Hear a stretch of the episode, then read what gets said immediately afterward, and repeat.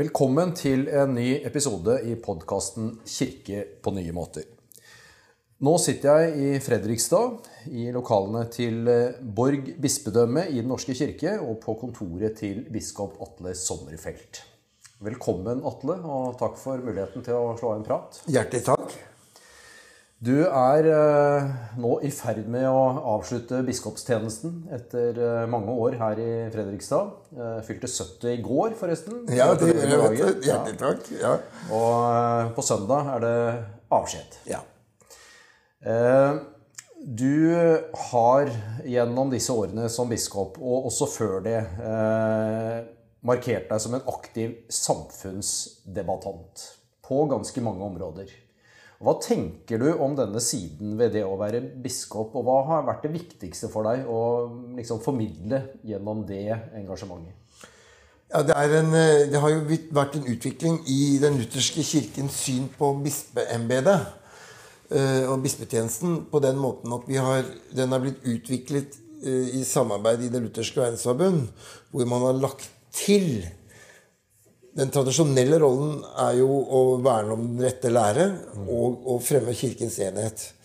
Men også ha tilsyn med, med, med Kirkens indre liv. Men så er det lagt til i forståelsen av biskopens tjeneste det man kaller public ministry. Altså øh, representere Kirken i det offentlige rom. Øh, og, og det tenker jeg jo er en stigende viktig dimensjon ved bispetjenesten i alle kirker, men ikke minst i Den norske kirke, som jo da er Norges folkekirke. Og da må man jo være synlig og bli hørbart i folket. Så, og det, det tenker jeg er en viktig del av tjenesten. Og så er jo da hele tiden spørsmålet hva skal vi være til stede med i det offentlige rom. Og da er jo min oppfatning at uh, vi skal uh, følge det dobbelte kjærlighetsbud. Uh, og det betyr å tolke for folk hva nestekjærlighet betyr i samfunnet, i vår tid og i vårt samfunn. Så det har vært liksom overskriften. og hvordan omsettes det da i praksis i møte med aktuelle utfordringer i politikk, for så vidt i kirkens opptreden i samfunnet, og i i samfunnsspørsmål mer generelt. Så det er liksom den overordnede perspektivet da, på, på denne tjenesten. Og jeg hadde jo erfaring fra generalsekretærstillingen i Kirkens Nødhjelp, og før det for så vidt i Mellomkirkelig råd også. Så jeg hadde jo arbeidet med Kirkens posisjoner i samfunnet i forhold til aktuelle samfunnsspørsmål, særlig koblet opp til internasjonal rettferdighet, da, gjennom mange år. Så det var veldig naturlig for meg å videreføre det i en litt annen posisjon, mer helhetlig, og selvfølgelig også mer rettet inn mot samfunnsutfordringer i Norge. Og det har vært en veldig stimulerende eksersis disse ti årene, syns jeg. Det- Jeg synes jeg liksom registrerer Hver gang det skal utnevnes en ny biskop i Den norske kirke, så kommer røstene som sier at nå må vi ha en som er mer aktiv i samfunnet og i debatten osv. Jeg, jeg må si at jeg har litt trøbbel med å, med å forstå det behovet. Altså jeg synes Du og andre er eh, ganske tydelige, aktive. Ja, det, det kan nok tenkes at øh, Men jeg tror samtidig at vi opplever nok det at, øh, at den alminnelige samfunnsdebatten ofte overser ikke bare Den norske kirke, men religiøse aktører som ikke er ekstremister i en eller annen variant. Eh, altså jeg, for meg har det blitt et symbol at når man da klarer i evalueringen av samfunnets eh, håndtering av koronapandemien og ikke nevne religiøse aktører i det hele tatt. Altså null. Eh, og det gjenspeilte jo at eh, regjeringen hadde jo da altså rett og slett hvor mange pressekonferanser? 60? Et høyt antall pressekonferanser i løpet av dette året. Og det var jo ikke ett en eneste pressekonferanse som adresserte den virksomheten i Norge som Med unntak av butikkene, da. mm. og det kommersielle. Men altså den største aktiviteten i vi Altså, I Borg bispedømme har vi jo 6000 gudstjenester i løpet av et år. Eh, og de aller fleste av dem ble jo avviklet enten som små, begrenset, eller digitalt. Og dette var jo, så, så sånn sett så er det en utfordring for oss å, å, eh, å, å bli å være Og da må vi være rett og slett Vi må lære oss til at ingen spør, men vi må på en måte være proaktive, da. Mm, ja. Og da blir man kanskje spurt etter hvert. Flott. Etter en sånn eh, litt generell innledning så skal vi over på det som er tema for uh, samtalen, og som er bakgrunnen for at jeg har spurt deg om en prat. og Det handler om ytre høyres bruk av kristendom.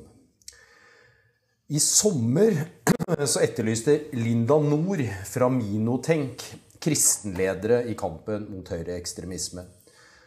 Hun påpeker at vi i Norge de siste ti åra har hatt to terrorangrep, begge gjennomført av høyreekstreme terrorister, som i hvert fall sa noe om en type kristen identitet, og som aktivt brukte kristendommen som en del av ideologien, går det an å si, fra, fra noen perspektiver i hvert fall.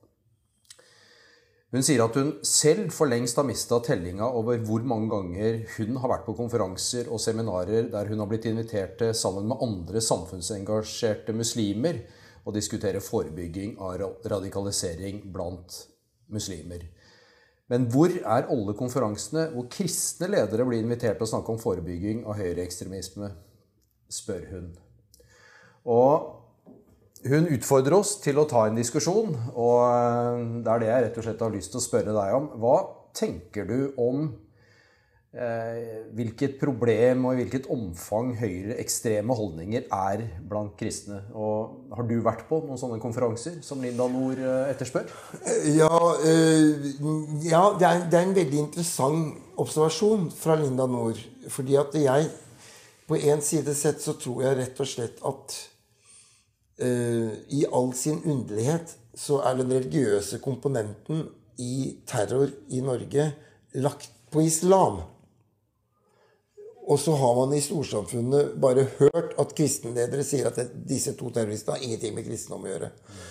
Jeg har jo ved ulike anledninger sagt at det er omtrent like stor avstand mellom jihadistenes ekstreme terrorhandlinger innenfor islam og Anders Berit Breiviks forhold til Den norske kirke, og ikke minst Manshus, som jo faktisk hadde en aktiv kristen praksis. Mm. Uh, men, og, det, og, og da, må, da må jeg da ikke beklage meg over at ikke vi er blitt invitert, men heller spørre spørsmålet hvordan skulle vi ha agert for å bli sett på og være med på å bygge dette bollverket mot misbruk av kristendommen mm. i, i, i, i høyreekstrem retning. Jeg, jeg syns nok Jeg må få lov til å nevne da, at akkurat i Borg bispedømme så tok jo et initiativ i Sarpsborg og i Nedre Glomma for å etablere dialogforum, mm. som jo ble til i 2012-2013 nettopp som en reaksjon på det som da var Særlig fokus i offentligheten var jo Lislebyveien og, og folk som dro til ja, Syria. Mm. Men jeg har jo hele tiden sagt i denne delen av Norge, Nedre Glomma, er det også et klar grobunn for kristen ekstremisme. Mm. Og det, og det jo, ble jo da et stort poeng da, at den ledende muslimske aktøren i etablering av Dialogforum var jo da den bosniske moskeen i Sarpsborg. Mm. Og så kan du jo spørre spørsmålet hvorfor er det folk fra Bosnia i Sarpsborg? Jo, det er jo fordi de var utsatt for kristne ekstremister under Balkankrigene. Mm. Så det ble på en måte en sånn øh, Nei, det er visst ikke bare islam. Eh, som har ekstremister, mm. og som utfører voldshandlinger. Og det, vi, vi, vi, skiller oss jo da ut fra de andre dialogsentrene eh, fordi at dette er en forening eid både av eh, kristne menigheter og moskeene. Mm. Så det er faktisk 40 medlemmer nå. Mm. Og det var jo med Kirkens Bymisjon og Metodistkirken i Sarpsborg var jo inne eh, med en gang da. Og det har jo da vært en praktisk måte å forebygge radikalisering på i begge religioner. Men, øh, men jeg tror rett og slett at vi øh, Så sier vi i Den norske kirke at, at de som er radikalisert, er ikke først og fremst våre medlemmer, men mer i andre kristne miljøer. Men jeg tror nok at det er for enkelt. Mm. Mm. Du sa litt om, eh, om eh, avstanden mellom de to terroristene vi kjenner her fra Norge, og, eh, og kristentro. At den er like stor som det er mellom jihadister og islam. Ja. Da handler det om Det handler jo rett og slett om at man altså drar både islam og kristendom har jo et eksklu eksklusivt og ekskluderende element i seg, i den forstand at vi jo hevder at vi har den sanne åpenbaring. Ikke sant? Mm. Uh, og, uh, og, da uh, Og det går jo bra, i all, i all hovedsak, for å si det sånn. Mm. Mm. Men hvis man da kobler seg opp til tekster i de to hellige skrifter uh, som argumenterer for eksklusiviteten, og ser på hvilke midler man da tenker at de andre skal behandles med, mm. så kan man jo altså få funering for en veldig aggressiv og voldelig måte å sikre både egen trygghet, men for så vidt også ekspandering. Mm. Uh, og, uh, og, og, det gjelder jo også jødedom. Alle de tre mon uh, monotistiske religionene har jo dette draget. Mm. Men vi ser jo også at både i buddhismen, jf. Sri Lanka, og i hinduismen, mm. jf. India, og i shintoismen, jf. Japan og keiserkulten og krigs... Eh, dette draget ligger i alle religionene. Mm. Og da vil jo vi som representerer eh, lærembedene Eh, vil jo i vår tid og har jo, Det har alltid vært en strøm som har tenkt annerledes også. Si at ja, kan, det er mulig å fastholde åpenbaringens sannhet og samtidig si at vi ønsker å ha et godt naboskap med mennesker av annen tro. Sånn at, og, og, at all bruk av vold og terror for å markere eh, hverandre, det, det, hører ikke hjemme i, i, religion, i den i samme tolkning av religion. Og det gjelder islam, og det gjelder kristendom. Mm. Mm. Men Breivik kobler seg jo opp til malteserne, som jo var en ridderorden, som jo fremmet og beskyttet religionen med våpen. Mm. Så det er jo ikke sånn at han er helt utafor en historisk virkelighet.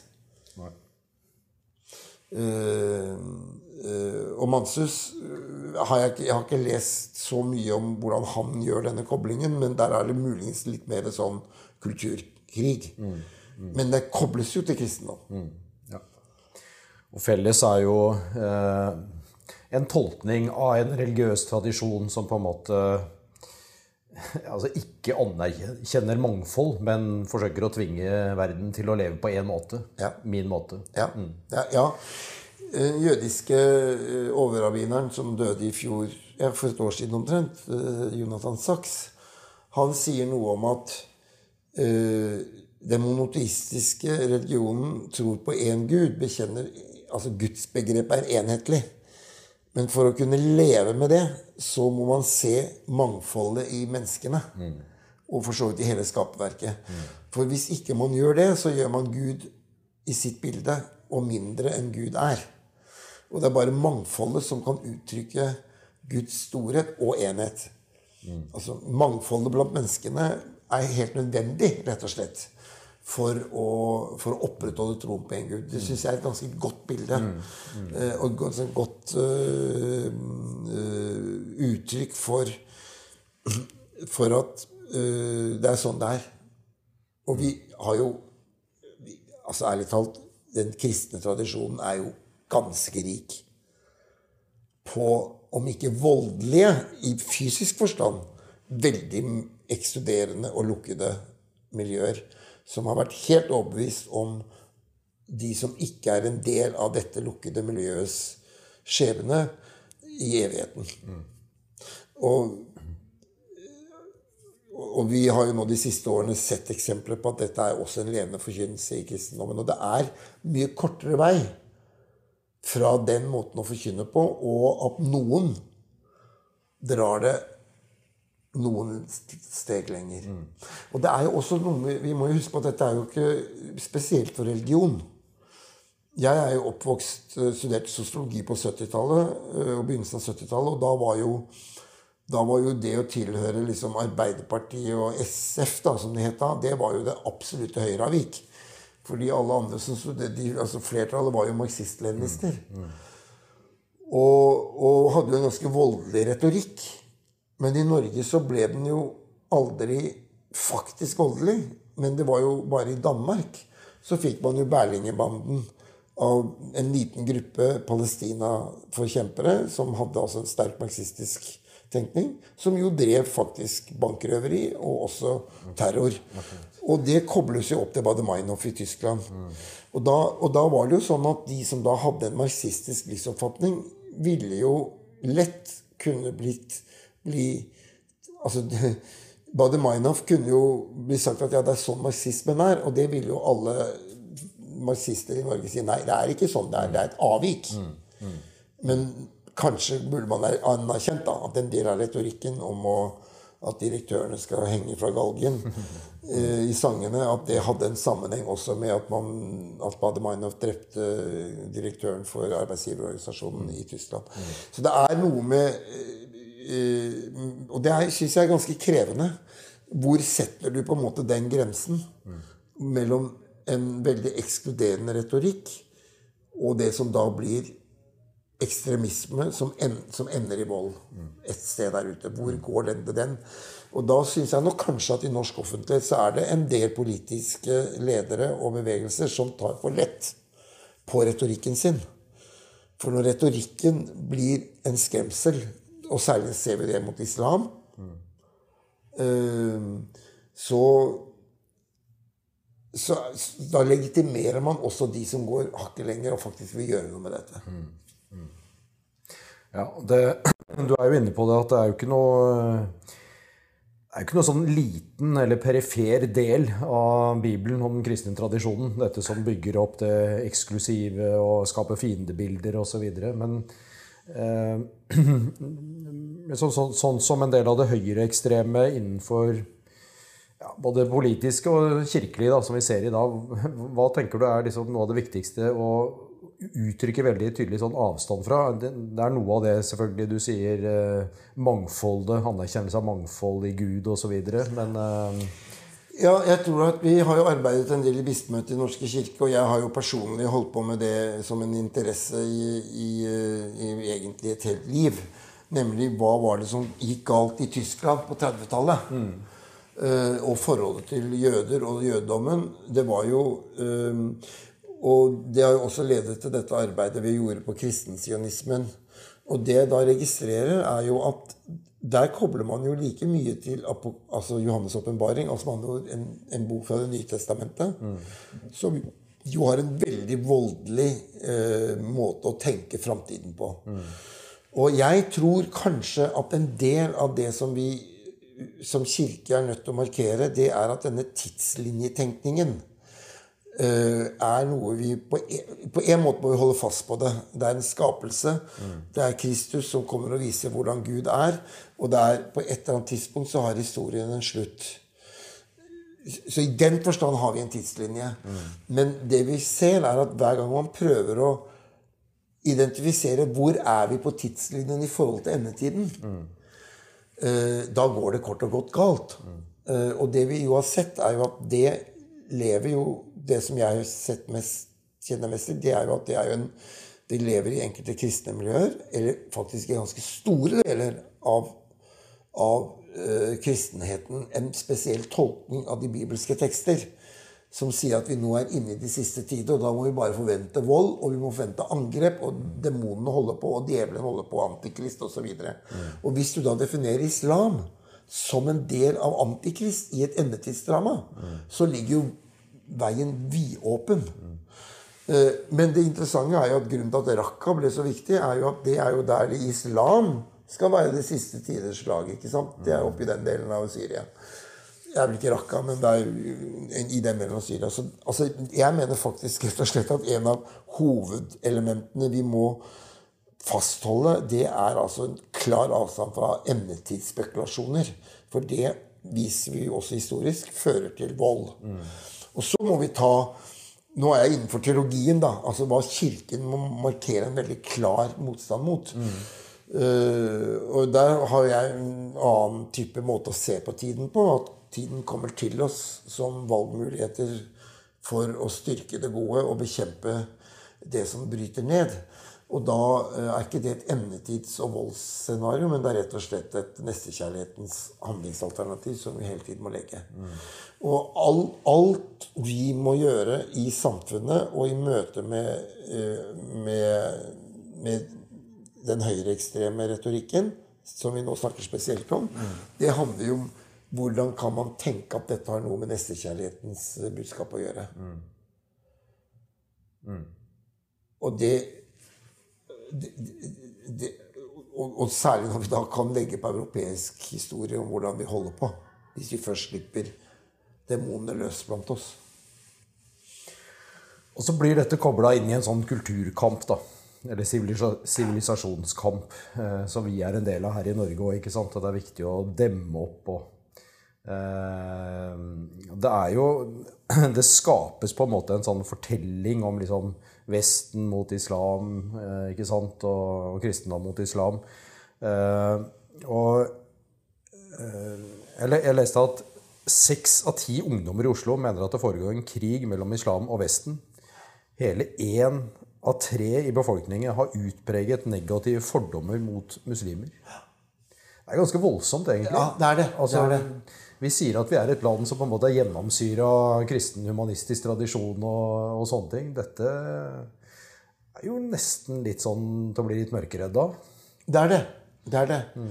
Jeg husker uh, Thorvald Stoltenberg uh, ble, når han holdt på på Balkan, spurt om han kunne tenke seg en utvikling i Norge og Sverige langs de linjer som han så på Balkan. Mm. Og Stoltenberg var jo en veldig klok mann, så han svarte jeg kan ikke se noe nå, dette er på 90-tallet, mm.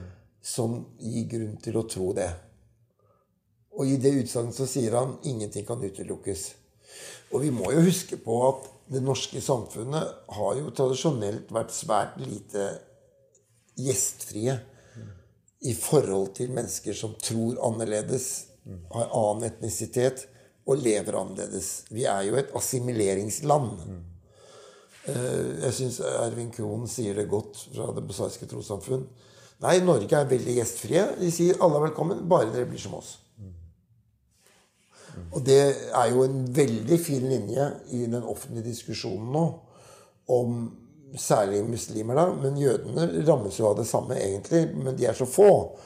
Uh, og, men, men, uh, men, de rammes jo av det samme at uh, særegne kulturelle og eller religiøse skikker, det skal vi liksom ikke ha noe av. Og det er en fin linje mellom det man kaller integrering, mot assimilering. Mm. Uh, og det tenker jeg er den største utfordringen vi har som det norske samfunn. At vi, at, at vi furnerer høyreradikale med argumenter ved, å forvente, ved at ledende politikere langt inn i dagens regjeringspartier uh, uttrykker seg sånn at det er fremmed for kvinner i Norge å gå med hijab. Selv om det altså bare er en generasjon siden alle kvinner gikk med skaut. Mm. Mm. Eh, ikke sant? Eh, det, er, eh, det er umulig for, for, jøder å få slaktet på en måte som, er, som, har vært gjort i noen tusen år, og som brukes over grunn alle andre steder, nesten. Mm. For at de skal kunne få riktig kjøtt. da. Mm. Mm. Og sånn kan vi holde på. og det og, og, og da når, når, ikke man klarer å ta en tydelig avstand fra sånne type assimilerende trekk i forhold til mennesker som kommer med en annen religion eller annen etnisitet eller annen kultur, så, du, så, bygger du opp under dette bildet av at det foregår en kulturkamp. Mm. Og det er jo et paradoks da, i betraktning av at det er jo islam som sørget for at Vest-Europa fikk tekstene fra de gamle greske filosofer, og som er hele fundamentet for renessansen. Mm og opplysningstiden. Og helt fram til 1800-tallet var jo islams helse- og medisinske tradisjon det dominerende bildet. Og sånn kan vi bare holde på. Eh, Så det er jo en sånn forestilling om islam som en ørkenreligion uten kunnskap og, og refleksjon, som jo ikke har noen rot i virkeligheten. Altså kort og godt null. Eh, og det er jo ganske flott å lese hvordan miljøene på, uh, i, i Bagdad og Damaskus uh, utviklet en altså felles De var jo både nyplatonikere og aristotelikere og diskuterte og holdt på. I tillegg til at religionenes mystiske elementer også møttes i Meister Eckhart f.eks. Og vi kan holde på.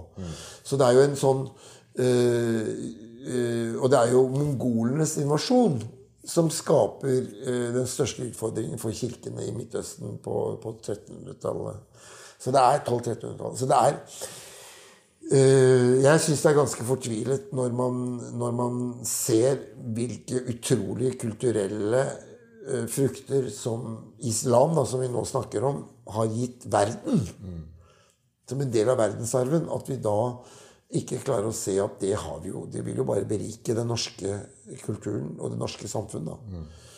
I tillegg til at vi jo vet at akantusrankene er jo de, jeg, de er, er jo felles for oss, for hele denne kulturen. Og minner jo om Hvis man besøker muslimske disse store muslimske bygningene rundt moskeene rundt omkring, så ser man jo hvordan hvordan eh, billedkunsten lever i en felles arv. Da. Og så kan vi holde på. Og da, eh, da men, Jeg mener jo rett og slett at, det, kan, at en, det, er ikke, det er ikke en kulturkamp, men det er en interessekamp om ressurser i verden. Og det er en, så stor ulikhet mellom levekår, og som blir stadig mer og mer folk blir stadig mer og mer oppmerksomme på. Og det er en fortvilelse hos religiøse ledere på at folk ikke Altså deres følgere ikke, ikke tar religionens ulike verdier og etiske retningslinjer på alvor. Eh, og det gjelder jo både her og der. Og da er det jo en sammenheng mellom de høyreradikale evangelikale i USA og uh, det vi kanskje kan kalle islamsk fundamentalisme, da. Som jo ikke er det samme som terror. Nei. Nei, og så er det vel en utvikling hvor eh, ja, altså mange opplever at eh, verden er mer eh, liksom, usikker og utrygg. Og, og vender man tilbake til noen av de gamle fiendebildene. ikke sant? Og, og klarer ikke å på en måte bevare noe av den åpenheten i forhold til å akseptere, anerkjenne mangfold og, og tenke at det er noe som beriker. da.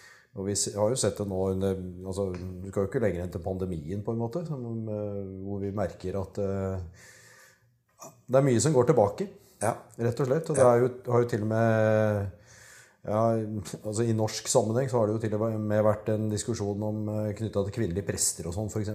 Altså, hvem skulle trodd det? Ja. Så, mm. Vi må innom USA også. Eh, Det er jo helt opplagt at, eh, at det var eh, organiserte kristenkonservative bevegelser som var sentrale for Trumps seier i sin tid. Eh, Og blant de som storma Kongressen i januar i år, så var det flere som var inspirert av eh, kristne nasjonalister ytre høyre der. Eh, Vi har vært litt inne på det, men altså, vi har vel ingen kristne i Norge som på en måte vil si at dette er ok, på en måte. I hvert fall ikke storme inn av Kongressen, men vi har jo kristne grupperinger som, eh, som vil være ganske tydelige på støtten til Trump. da. Ja, og jeg, det, ikke sant? Eh, jeg følger jo noen av, noen av de amerikanske på Twitter, da, og som er sånne Trump-revisjonister, for å si det sånn. Det er veldig fascinerende. Men jeg mens, Uten å si at jeg har funnet én nøkkel. Det er altfor enkelt, selvfølgelig. Men jeg ser fortsatt at det er altså dette apokalyptiske endetidsperspektivet. For hvis du husker hvordan man forklarer støtten til Trump i forholdet mellom at kristne ledere, som ellers jo er av de strammeste når det gjelder livsstil, selv om ikke alle av dem klarer å leve etter dem, da, det må vi jo si, men de mener iallfall at alle andre skal leve etter dem, på en del av disse symbolpunktene på hva som er en kristen livsstil. Og så får de jo spørsmål men hvordan kan dere liksom holde på med Trump, som jo åpenbart er en uh, libertinist i ordets alle betydninger av det ordet. Og da svarer man jo Har dere ikke lest Bibelen, da? Uh, og i Bibelen så står det om kong Kyros i Jesaja uh, 40 etc., mm. hvor, hvor, altså den ikke-jødiske, hedenske, anført, kongen bidrar til å frigjøre og gjøre det rette for Israelsfolket. Mm. Og det er det perspektivet man har lagt på Trump. Mm. Og da har man sagt Trump er en Kyros som skal sørge for at vi avslutter abort. Uh, uh, ansvarlighet for, uh, for altså at homofile skal føle seg velkommen i dette landet, mm. for å si det sånn. Mm. Og rettigheter for dem. Og dessuten så skal han sørge for at vi kan gjøre akkurat som vi vil, sånn at staten holder seg lengst mulig unna. Det siste er det jo litt mer vanskelig å begrunne kristen, kanskje, men, men de første har jo, har jo, noen elementer da, i en mm. kristen tradisjon. Uh, da, men da er det igjen liksom, dette emnetidsperspektivet som ligger. Og, uh, og, det, og, i tillegg til at man da knytter opp uh, et politisk valg og en politisk leder til én sak, som man sier dette er det, det er dette vi vil oppnå med denne personen. Mm. Og her var det jo rett og slett et politisk anliggende, nemlig å få endret Høyesterett. Mm. Det var jo Og det har jo vært røster i Norge i de små symbolske som kaller seg lutherske kirker, som, som, jo har eksplisitt uttrykt at dette var jo det som nå var agendaen. Det var altså når Trump ble valgt første gang. Uh, og, og, men, og, og, der er det mer en ren sånn politisk beslutning. Mens i de klassiske evangelikale miljøene, og særlig de som har gjennomslag i Norge, så er det jo disse endetids karismatisk pentakostale miljøene som trenger hele tiden å finne begrunnelse for at vi lever i de siste tider. Mm. Og historien sier oss jo at det fører til ulykke. Mm. Mm. I tillegg til at Jesus jo advarer veldig sterkt mot det. Det er ikke minst viktig. Vi går mot avslutning. Eh, hvis du skal se litt, eh, framover, eh, du har kanskje vært inne på det, men eh, hva tenker du om at som de viktigste utfordringene eller sakene framover for, for, kirkene å engasjere seg i, i, sånn, i, i, samfunnsdebatt og den type ting? I stort så er vi jo inne på noe av det viktigste. og det vi Hanna Arnt skriver en bok Eh, et filosofisk verk. Den tyske, jødisk-amerikanske mm. Jødisk- og tysk-amerikanske filosofen, da. Uh, uh, I eksistensialismens tradisjon. Hun skriver en bok uh, i årene rett etter andre verdenskrig om totalitære ideologiers opprinnelse. Mm.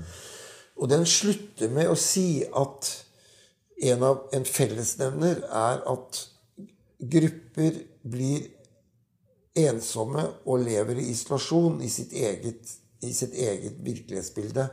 Og så er det politiske bevegelser som klarer å kapitalisere på dette og skape den totalitære ideologien og massebevegelsen. Og hvis hun har rett i det, så er jo både da ensomhetspandemien som vi ser i vårt århundre, ifølge noen, eh, ut, ut, utviklingen av større ulikhet på økonomiske parametere. Mm. Og tendensen til eksplosivitet i forhold til de som er annerledes. Veldig skremmende perspektiver. Og vi kan ikke i Norge si det skjer ikke her. Eh, det var altså en norsk nasjonalsosialistisk bevegelse som Og 90 000 nordmenn ble faktisk etterforsket etter andre verdenskrig. Og det handlet jo om de som da hadde vært medlem av partiet. Mm. Nasjonal Samling. Men støttespillere og sympatisanter var jo langt større. Mm. Uh, så, det er jo ikke det, så, så, det er det første. Mm. At man rett og slett uh, er oppmerksom på at her er det ingenting er gitt. Her må man rett og slett være uh, Og så tenker jeg nok at vi må da ta tak i de uttrykkene for dette i konkrete, ekskluderende politiske vedtak og handlinger og holdninger. Og da er jo flyktninger neglisjeringen av klimautfordringene, klimaendringenes konsekvenser for folk som lever i fattige land. Mm. Og så tenker jeg nok at vi ser også at med uh, en av grunn, altså Det er rett og slett mennesker med nedsatt funksjonsevne. Og den måten nå tidlig testing og helsevesenets håndtering av mennesker som er i, i tvil om hvorvidt de skal ta abort eller ikke. Mm. Og hele dette er også et uttrykk for et samfunn som ikke tåler mennesker som annerledes. Mm. Jeg så akkurat forrige dagen på et program i Tyskland som jo egentlig gjenspeiler mye av diskusjonen i Norge når det gjelder dette, disse graviditetstestene.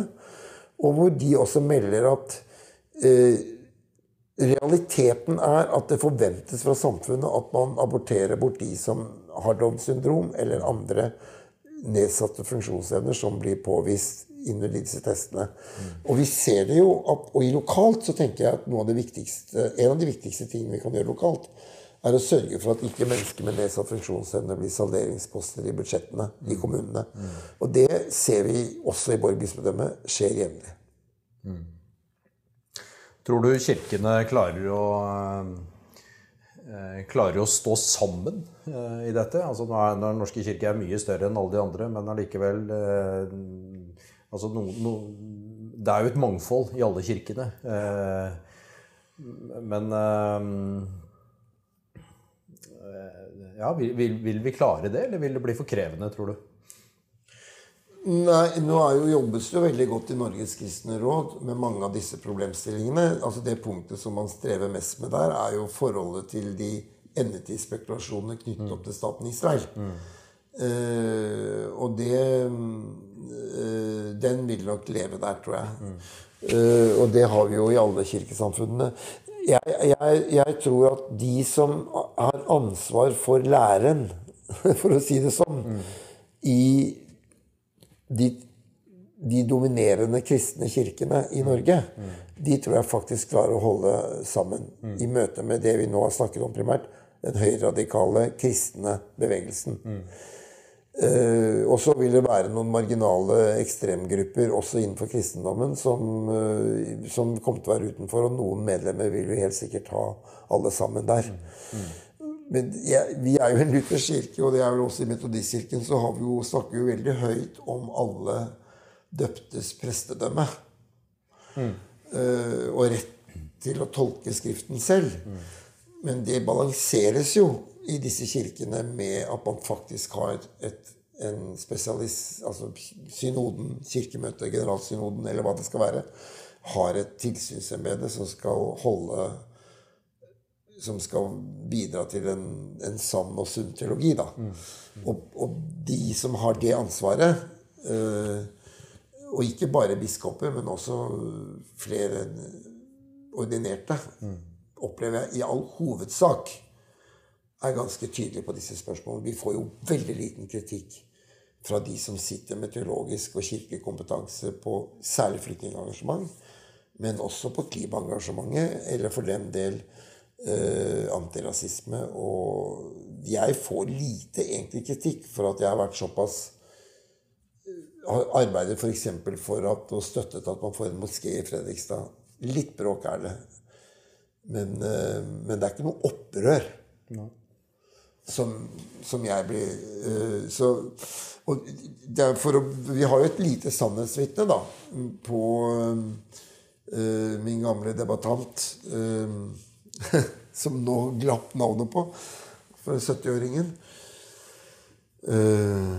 som jo har på professoren i historie, som er spesialist på vann, men har også skrevet store bøker om om utviklingen av det norske samfunn. Og han påpeker at Den norske kirke har vært en helt avgjørende aktør for at man har hatt dialog og ikke konfrontasjon som tema.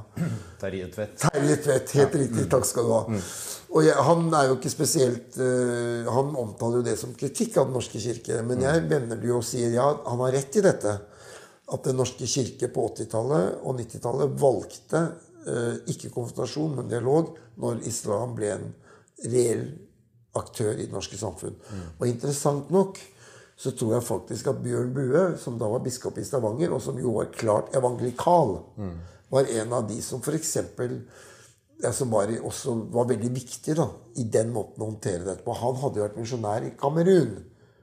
Så han visste jo hvordan forholdet mellom kristne og muslimer kan gå både til det forferdelige, men også hvordan man kan klare å finne fellesskap i lokalsamfunn. Og det tok han jo med, som ble en veldig viktig aktør, fordi han hadde akkurat den legitimiteten i krefter som i USA har gått den gale veien. Litt på samme måte som vi opplevde i kampen mot apartheid, hvor det jo var ingen tvil om at det også i Norge var ganske breie kretser som hadde sympati for deler av apartheidsideologien, nemlig segregeringen.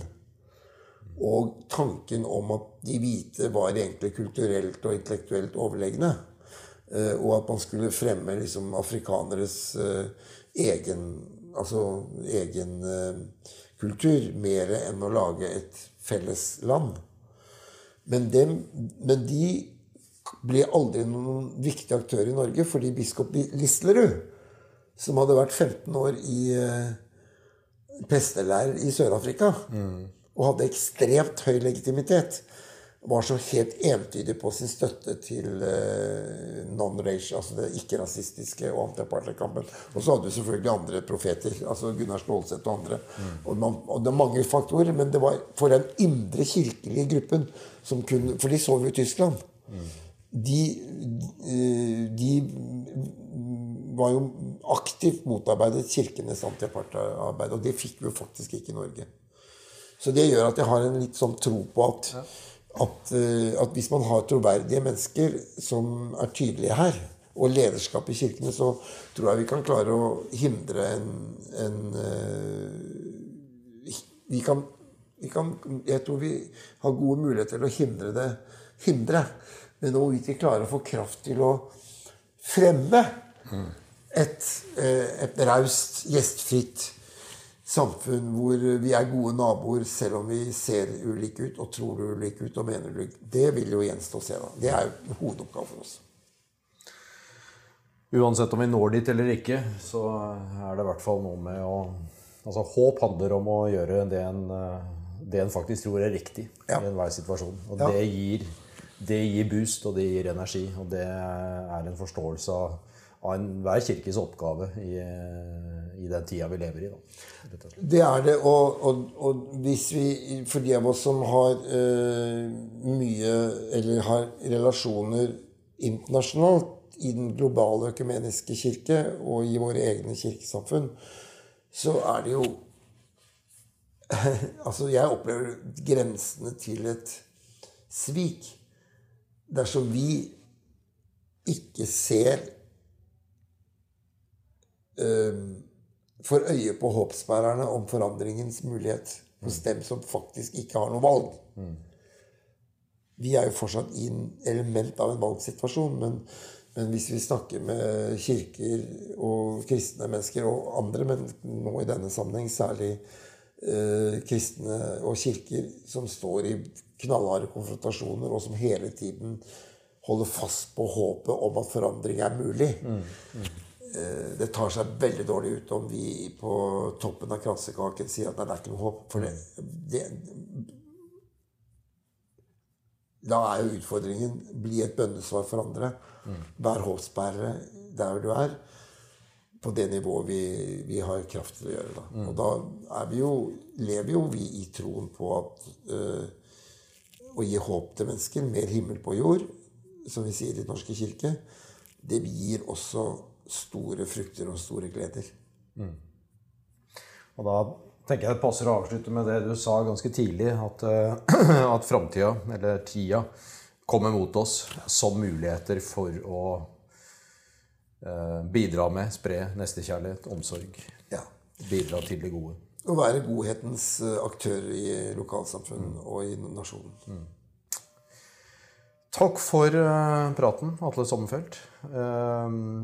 Og uh, lykke til med de gjenstående dagene, for nå er det bare noen dager igjen, og med pensjonisttilværelsen som kommer etterpå. Takk skal du ha. Takk skal du ha.